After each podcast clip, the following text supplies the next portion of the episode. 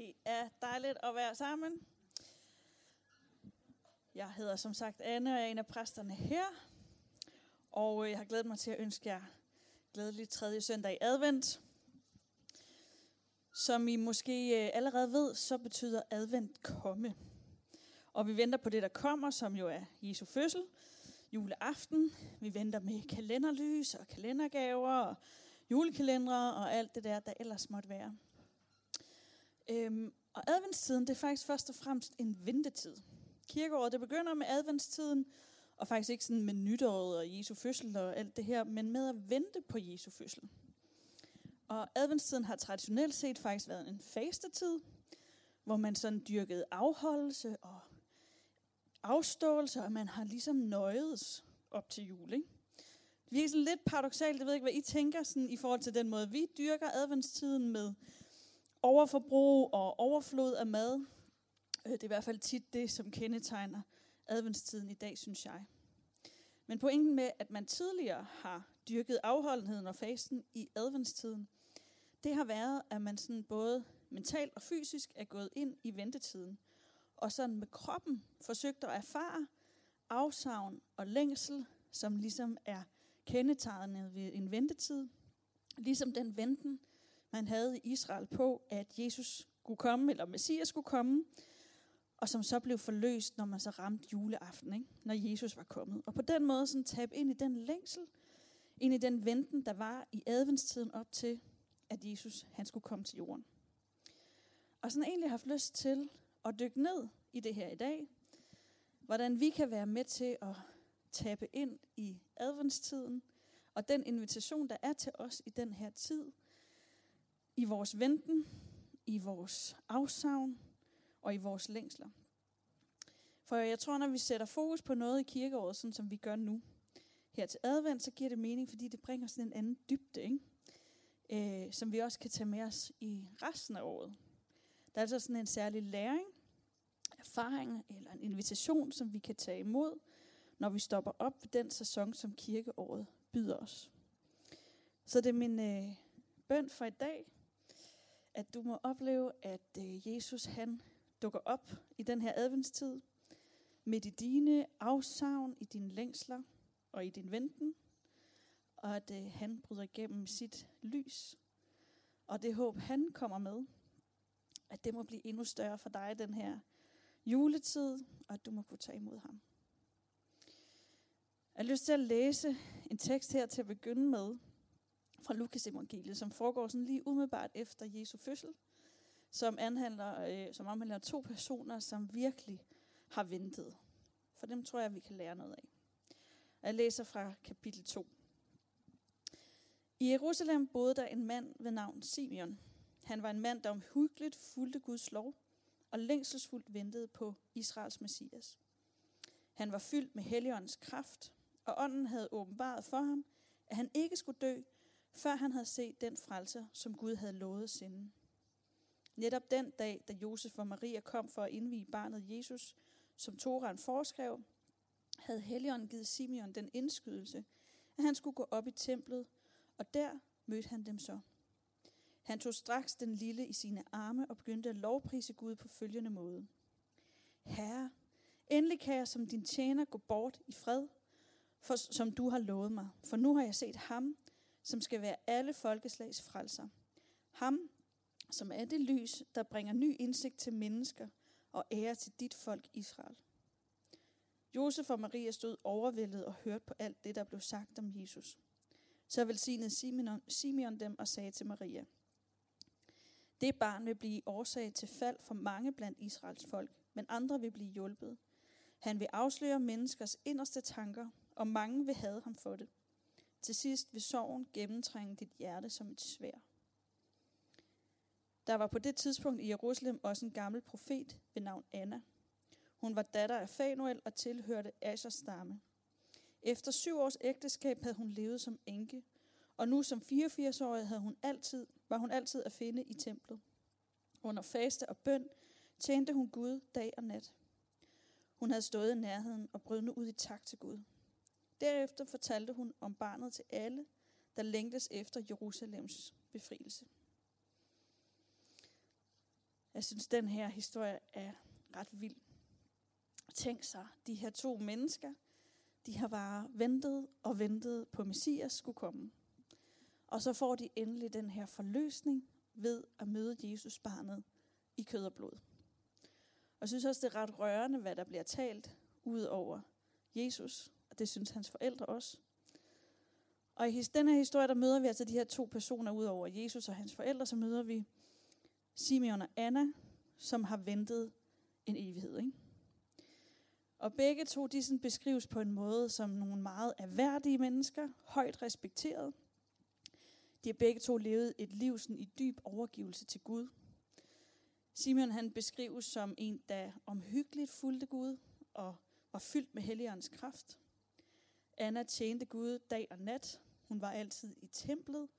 Hun kaldes en profet, og man kan regne ud, at hun har talt om Gud. Hun har stået dagligt og talt om Gud der i, i templet. Ikke? Det har hun været kendt for. Og de har begge to været super gamle.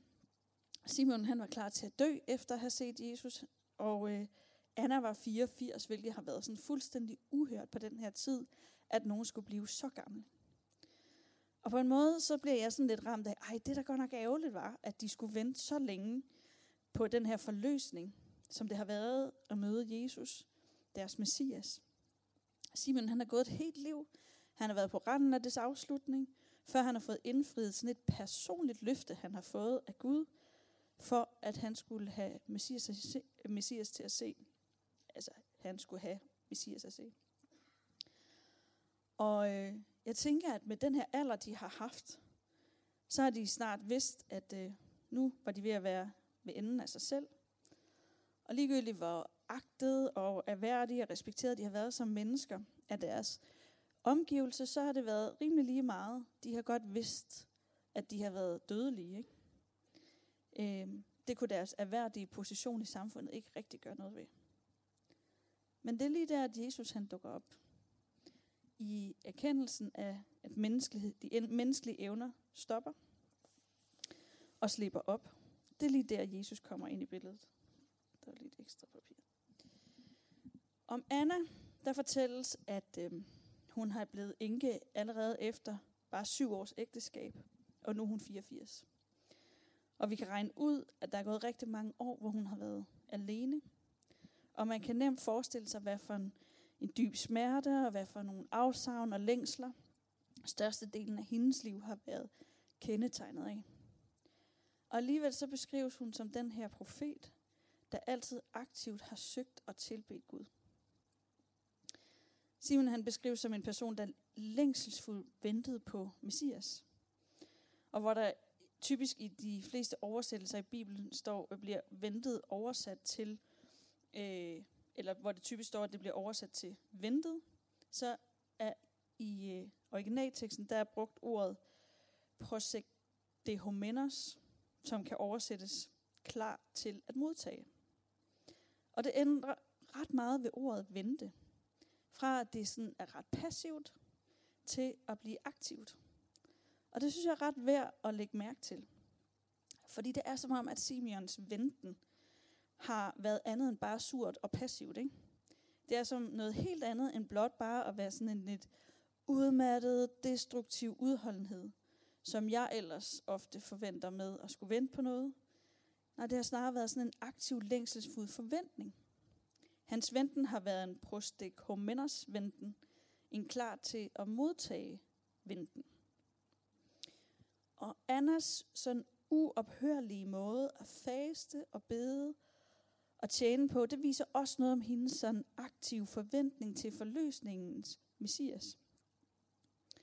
Og når jeg læser om det, så må jeg bare spørge mig selv, hvordan det ville se ud, hvis min ven den blev forvandlet fra at være passiv eller fortrængende til at være aktiv forventende, klar til at modtage fra Gud. Jeg ved ikke, hvordan du har det med at vente, med at længes og forholde dig til dine afsavn, det, du længes efter. Grundlæggende så tror jeg ikke, der er særlig mange af os, som kan lide at vente. Jeg tror ikke, det får de bedste frem i de fleste af os at være på venteliste, eller sidde i kø, eller mangle svar på noget, eller skulle øh, vente for længe på den mad, man har bestilt. Jeg ved ikke, hvordan I har det. Øhm, og slet ikke, hvis det nu var noget vigtigt, vi ventede på, vel? En eller anden dybere længsel, som at finde en livspartner, eller få et barn, eller blive rask. Både Simon og Anna, de har, øh, Simeon og Anna, de har været i en venteposition for at blive befriet af romerne, som har, været, som har besat deres land, og sammen med alle de andre jøder. Så de faktisk ventet i mere end 600 år på, at profetierne om befrielsen af Messias skulle gå i opfyldelse. Sådan okay ventetid, ikke? 600 år plus. Men hvis man faktisk skal være fair over for os, der tror på Gud, så er vi faktisk i en lignende ventetid. I Guds historie med os, i vores tid af verdenshistorien, der står vi faktisk midt mellem Jesu opstandelse og Jesu genkomst. Vi venter midt mellem det, der er, og det, der vil komme. Midt mellem, at himmel og jord blev genforenet i Jesus, at Guds rige er kommet nær, at vi i Helligånden har direkte adgang til Jesus, at Guds rige bryder igennem, og verden er ved at blive genoprettet. Og alligevel, så er vi også i den virkelighed, hvor verden langt fra er totalt genoprettet. Vi venter på, at Guds rige på jord bryder ud og bryder fuldt ud igennem, hvor vi stadigvæk må vente og længes efter, at Gud, Jesus kommer igen på den yderste dag, og hvor den endelige forløsning kommer.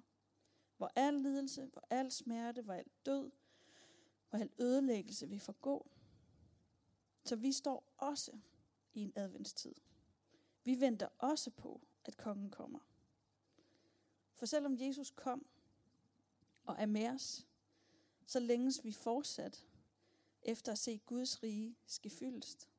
Og det er derfor, vi stadig beder, komme dit rige. Præcis som Simeon og Anna, så venter vi som troende mennesker. Og derfor så er spørgsmålet egentlig ikke så meget, om vi venter, men hvordan vi venter. Hvad vi gør med vores venten, og hvad vi gør med vores længsler. Og jeg har grundet en del over, hvad det egentlig er, jeg gør ved mine længsler. Hvad jeg gør ved mine afsavn.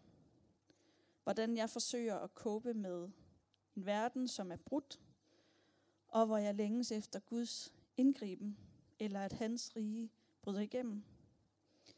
Hvordan det får lov til at fylde i mit Guds forhold, i min tilgang til Gud og til verden.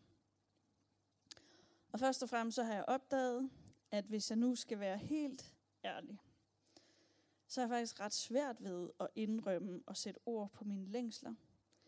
Fordi det godt kan virke lidt skamfuldt faktisk. At det kan virke utaknemmeligt at sætte ord på mine behov. Det antyder ligesom, at jeg ikke har nok, synes jeg. Og at jeg ikke rigtig værdsætter eller sætter pris på det, som jeg allerede har, og de ting, som Gud allerede gør. Og det opleves også grænseoverskridende barnligt nogle gange, ikke? irrationelt at sætte ord på mine længsler eller behov over for Gud. For skulle det ændre noget? Min indre kyniker vil gerne påpege, at øh, et, jeg kan ikke regne med, at ting ændrer sig, bare fordi jeg ytrer mine behov og beder Gud om hjælp. Og to, tværtimod så gør det mig faktisk ret sårbar over for skuffelser, hvis de bliver synlige for mig, at jeg lider afsavn, og hvis tingene ikke ændrer sig. Så det er sådan lidt nemmere, lidt mere sikkert at droppe det her med at sætte ord på mine længsler, min sorg og min afsavn i min venten på Guds indgriben. Især i forhold til de ting, som kan forekomme urealistiske, skal ændre sig. Jeg ved ikke, om I kan følge mig. Det er måske lidt pinligt for præsten at indrømme, ikke? Men øh, Gud har simpelthen afsløret noget i mig, som handler om min manglende tro på ham. Og måske i virkeligheden min manglende barnetro. Når jeg forsøger at skære de ønsker og længsler til, efter hvor realistisk det, det sådan lige er, at øh, Gud kan ændre på dem, eller at jeg bringer dem foran ham. Det er for eksempel meget modsat min øh, seksårige datter, Ellie. Her den anden aften, der sad vi og snakkede om, hvad vi ønsker os til jul og sådan noget, og øh, vi kommer ret meget rundt om hele BR-kataloget, og der er faktisk også nogle ret seriøst altså langt ude liste, altså sådan ønsker på den her liste. For eksempel en flamingo, der sidder på toilettet, som man kan give sådan noget gelé, så den kan skide, mens den synger. Den er på listen, på begge deres lister, mine to pigers lister. Ikke? Rimelig mærkelige ønsker, ikke? Men så til sidst så siger hun, ved I, hvad jeg ønsker mig aller, aller, aller mest i hele verden? Og så siger jeg sådan, nej, det ved jeg ikke. Et levende rensdyr, siger hun så. Og øhm, så siger man jo, nej, det var et godt ønske, Eli. Øhm, det er jo det, man skal sige, ikke? Og så er man faktisk ret sikker på, at hun godt ved, at der sådan, det nok lige ikke sker med det første, at vi får et levende rensdyr, hverken i vores lejlighed eller i vores kolonihave. Så synes jeg faktisk, det er helt vildt fedt, at hun siger det alligevel. Ikke? Det er totalt ufiltreret og, båret, og slet ikke båret af nogen som helst sådan realisme, eller sådan, det kan ikke lade sig gøre, vel? Nej, det er bare så dejligt barnligt, ikke? Og det går faktisk også igen i hendes måde at bede aftenbøn på, hvor hun altid beder for, at krigen i Ukraine må stoppe. Og før det, at corona måtte stoppe. Og hun er faktisk pænt udholden i det her, i de her bønder. Og det handler ikke om at fremhæve Ellie på seks år, vel? Men det handler mere om det spejl, hun faktisk sætter op foran mig. Fordi jeg bliver faktisk ret nemt kynisk og dropper at bede de her urealistiske bønder, ikke? Fordi det virker så latterligt utopisk, at noget skulle ændre sig. Men når jeg så hører Ellis ønsker til mig eller til Gud, så bliver jeg inspireret af hendes ærlighed og hendes umiddelbarhed. Og jeg opdager, at det handler om, at jeg faktisk tænker alt for lidt om Gud og for lidt om vores relation. Og jeg tror faktisk, at der er en nøgle i noget af det her i forhold til at vente aktivt. At længes i forventning klar til at tage imod. Det handler om en barnlig tilgang, ikke? hvor vi er ærlige omkring alt det, vi længes efter for en Gud. At vi rent faktisk kan sætte ord på vores længsler, det vi ønsker, det vi ønsker Gud skal gøre, hvor Guds rige skal bryde igennem, også hvor urealistisk det end måtte være. Om det så er, at Gud griber ind og forvandler Putins hjerte, eller det er et reddet ægteskab, som står på sammenbrudsrand, eller skinne sit lys ind i en vens mørklagte sind. At bringe det ind foran vores himmelske far. Velvidende, at det er uden for vores menneskelige kontrol og formåen at ændre. Velvidende, at det er urealistisk set med menneskelige øjne, at det skulle forandre sig. Men alligevel bed med håbet om hans komme med håbet om, at hans rige vil bryde igennem, at Guds vilje vil bryde igennem. Og faktisk ikke primært, fordi det handler om, at bøn ofte virker og gør en forskel. På utrolig mystisk vis, som det gør. Men mindst lige så meget, fordi det former os. Det former mig. Det former mit hjerte. Når jeg frimodigt, aktivt venter på ham. For min relation med Gud, den bliver dybere, når jeg kommer med mine længsler til ham. For det er som om, at når jeg beder og fortæller Gud om mine ønsker, stort som småt, om hans indgriben, om hans vilje måske, og at hans rige med hans fred, hans glæde, hans forsoning, hans helbredelse, hans kærlighed, og det må bryde igennem, så er det jo hans hjerte. Ikke? Det er hans hjerte, vi faktisk rører ved. Også selvom vores bønder måtte forblive ubesvaret, så får vi lov til at se hans hjerte tydeligere. Vi får lov til at se hans godhed. For det er hans vilje, at det sker. At hans rige skal bryde igennem. Det er mindst lige så meget hans ønske, som det er vores ønske. Ikke? Som dit og mit ønske. Og det her, det er genoprettelse for os. At kende hans hjerte, det former os. Det former vores hjerter. Og jeg vil bare gerne understrege, det handler slet ikke om smukke, poetiske bønder, det her vil gerne øh, indrømme, at jeg ikke er særlig disciplineret til at køre efter sådan en liste over forbundsemner, og jeg gad godt være meget mere udholdende i mine bønder, og at jeg brugte min tid øh, med Gud mere strategisk og målrettet, og det er også øh, et af mine nytårsforsæt. Øh, og sådan er det også i perioder. Men særligt på det sidste, der har mine bønder været ret meget af tiden langt fra poetiske eller lange og fine. Langt de fleste af mine bønder har måske mest alt bare været dybt suk eller desperat råb på ham. Men jeg tror, Gud har mindet mig om, at de bønder, de er mindst lige så vigtige. De er nemlig ærlige, ikke? Utilfredse, længselsfulde råb til Gud om hans indgriben. De er barnlige, de er ufiltrerede. Hvor jeg er pinligt klar over, at min egen formåen, den rækker ingen steder, og jeg har brug for ham. Og jeg er klar over, hvor urealistisk det er, at de bliver løst uden Guds indgriben. Og i de desperate bønder, i de suk, der er det min erfaring, at Jesus han dukker op. Og præcis som Anna og Simeon oplever, så er forløsningen faktisk ikke altid, at alting ændrer sig, og at alting bliver løst, vel? For dem ændrede verdenssituationen sig faktisk egentlig ikke. Israel var stadig besat af romerne, og de var fortsat undertrykte længe efter, at de var døde, Anna og Simeon. Deres problemer blev sådan set ikke løst som sådan, men Jesus dukkede op. Og forløsningen på den her side af evigheden for os, såvel som for Anna og Simeon, det er ikke så meget, vores omstændigheder bliver forandret, som at Jesus dukker op midt i de omstændigheder. At han er kommet til os. At han er med os. Midt i vores smerte, i urolige tider, i sygdom, i død, i mørke. Midt i vores afsavn, midt i vores længsler, midt i vores venten, der dukker han op. Og vi kan tage imod ham. Og når vi formår at se på ham, og ikke bare vores omstændigheder, så er der håb. Og det er det fineste, synes jeg. Noget af det fineste ved den her beretning, det er, at Simeon han får lov til at holde Jesus barnet. Som den eneste, der i hvert fald er beskrevet i, i hele Bibelen. Simeon han får lov til at tage imod Jesus. Hans aktive venten, hans prosegomenos, at han har brugt sit liv på at blive klar til at modtage Messias, det bliver rent faktisk forløst, når han tager imod Jesus barnet.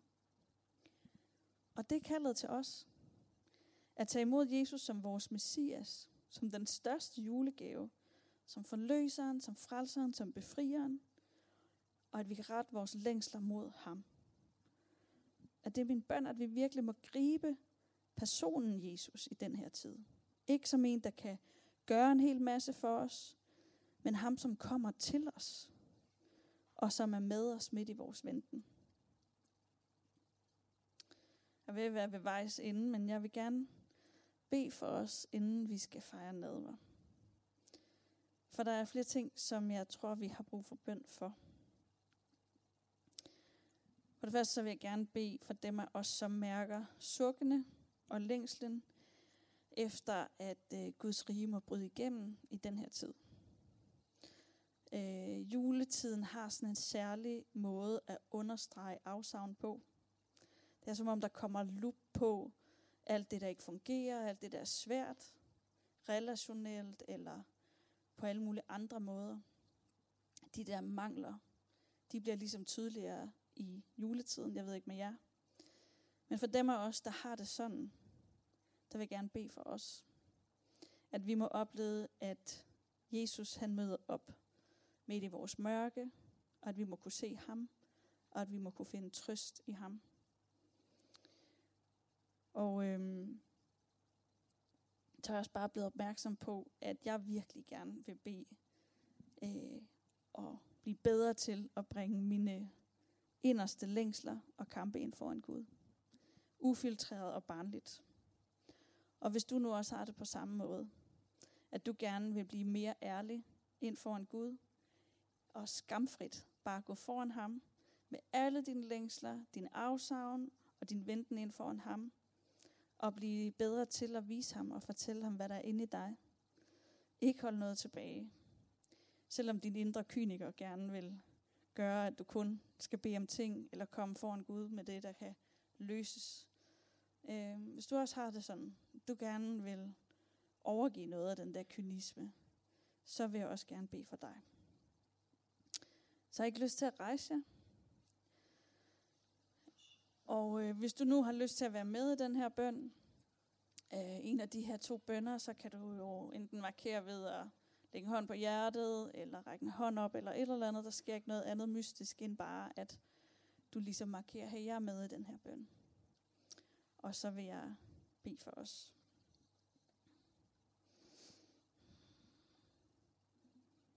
Jesus, tak fordi, at den her lidt skøre adventstid, hvor, hvor der både er tryk på alt muligt, øh, lige fra eksamener til indkøb til forventninger af alle mulige slags. Øhm, og hvor der på en måde også bare lidt lup på vores afsavn. På de ting, vi synes ikke øh, fungerer. Vores relationer, som øh, på en eller anden måde bliver forstørret af de problemer, der er i dem. Mm. Jeg synes, for dem af os, der har det sådan, os, der oplever den her tid som særlig hård at komme igennem, som mørk og som svær. Øh, hvor vi øh, måske er lidt mere i kontakt med vores længsler, som er uindfriede. Jesus, jeg beder bare om, vil du komme og være snær? Vil du komme og tage bolig midt i blandt os, som du har lovet os? Vil du komme og være helt tæt på? Beder om, at du må komme med din trøst. Jeg beder om, at du må øhm, komme og skinne dit lys. Bring dit håb. Der, hvor der ikke er menneskelig håb, må komme med dit håb, Jesus. Og øh, hjælp os til at løfte blikket, kigge på dig. Og ikke kun på vores omstændigheder, men virkelig mærke, at hos dig er der håb, hos dig er der fred, hos dig er der glæde, forsoning. Og må vi bare opleve mere af din skønhed. Der, hvor der er allermest smerte.